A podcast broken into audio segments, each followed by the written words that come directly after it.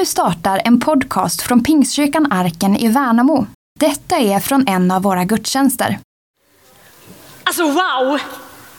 Tänk att det Jesus önskar sig allra mest av allt, allt, allt. Det är att få lära känna mig och, och dig och dig och dig och dig och dig och dig och alla oss. Han vill liksom vara med oss. Ha, vilken grej! Vet ni? Vet ni, jag läste precis, precis här i början av Bibeln, där står det där står det att vi skapade för att Jesus, eller Gud, han ville liksom vara med oss. Ja, det är sant. Han skapade massa djur och massa, massa andra grejer. Fint gjorde han det överallt, berg och vatten och sådär. Men så saknade han någonting. Han ville liksom ha någon att vara med. Tycker du om att vara med någon också, ibland?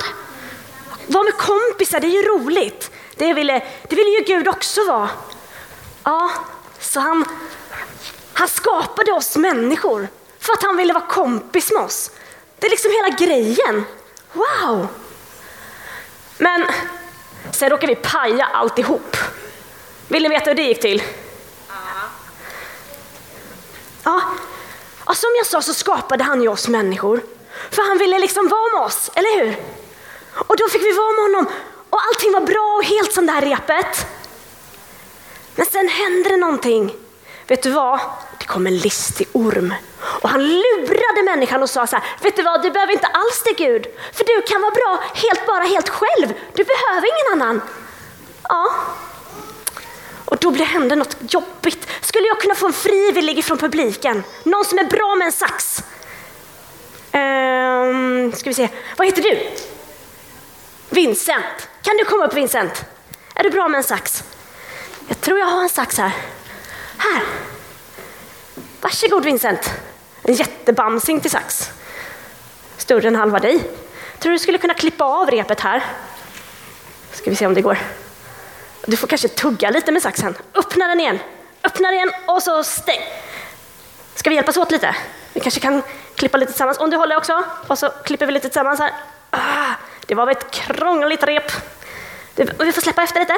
Och så får vi göra lite så här kanske. Ah, tugg eller tugg. Bra sax, eller hur? Super. Så här fort gick det. så, kan du hålla den lite åt mig? Ah, tack Vincent. För kolla, nu gick ju, gick ju det här repet helt av, eller hur? Det blev sönder. För vet du vad, Gud han kan inte vara där synd är. Och synd är allt det vi gör och tänker och säger som gör illa oss själva och andra. Och det, det hindrar oss liksom från att komma fram till Gud. Det är det som är så fiffigt. För vet du vad? Vi är inte bara gjorda för att vara med honom. Han har också gjort det möjligt för oss att komma till honom. För han lagade det som var trasigt. När Jesus kom till jorden så här, så lagade han det som blivit trasigt för att vi skulle kunna få vara med honom. Och nu är repet helt, helt igen! Woohoo! Eller? Nej. Är det inte helt? Äh, vad tänkte du på? Det är en knut. Men det är ju en knut på repet! Typiskt. Ser du den också Vincent? Är det en knut, är det en knut där? Typiskt. Ja.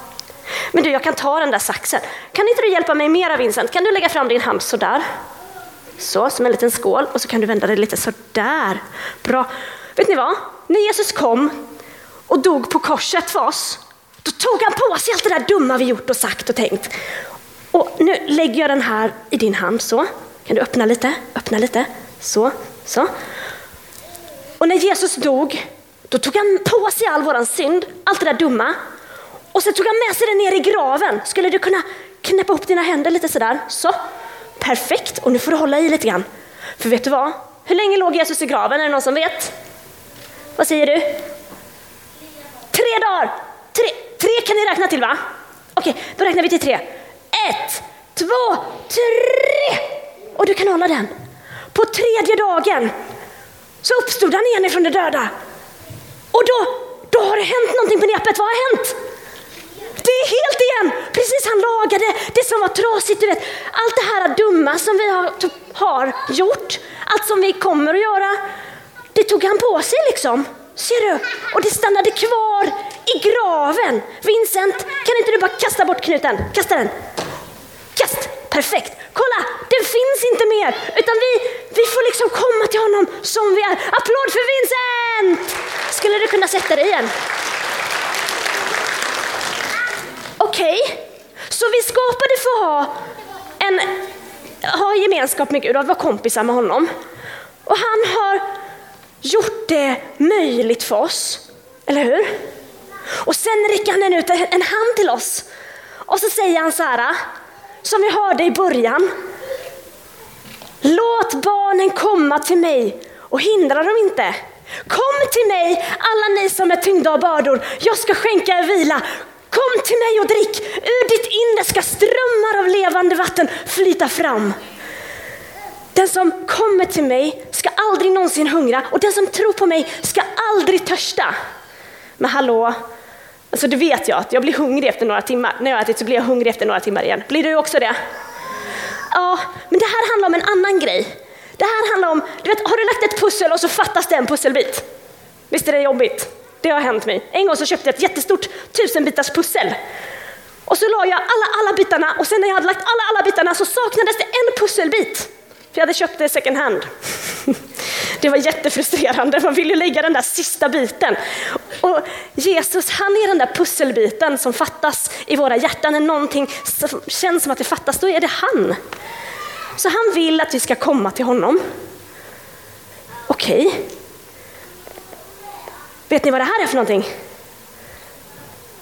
Vad är det för något? Vad säger du? En pinne med, som man kan tända eld på. En pinne man kan tända eld på, precis.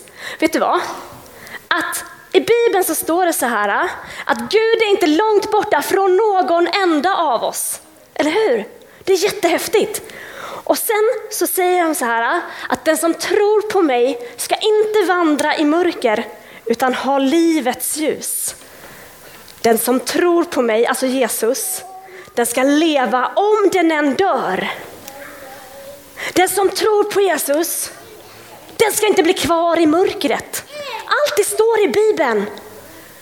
Så den här elden, relationen till Gud, det kan liksom få finnas i oss.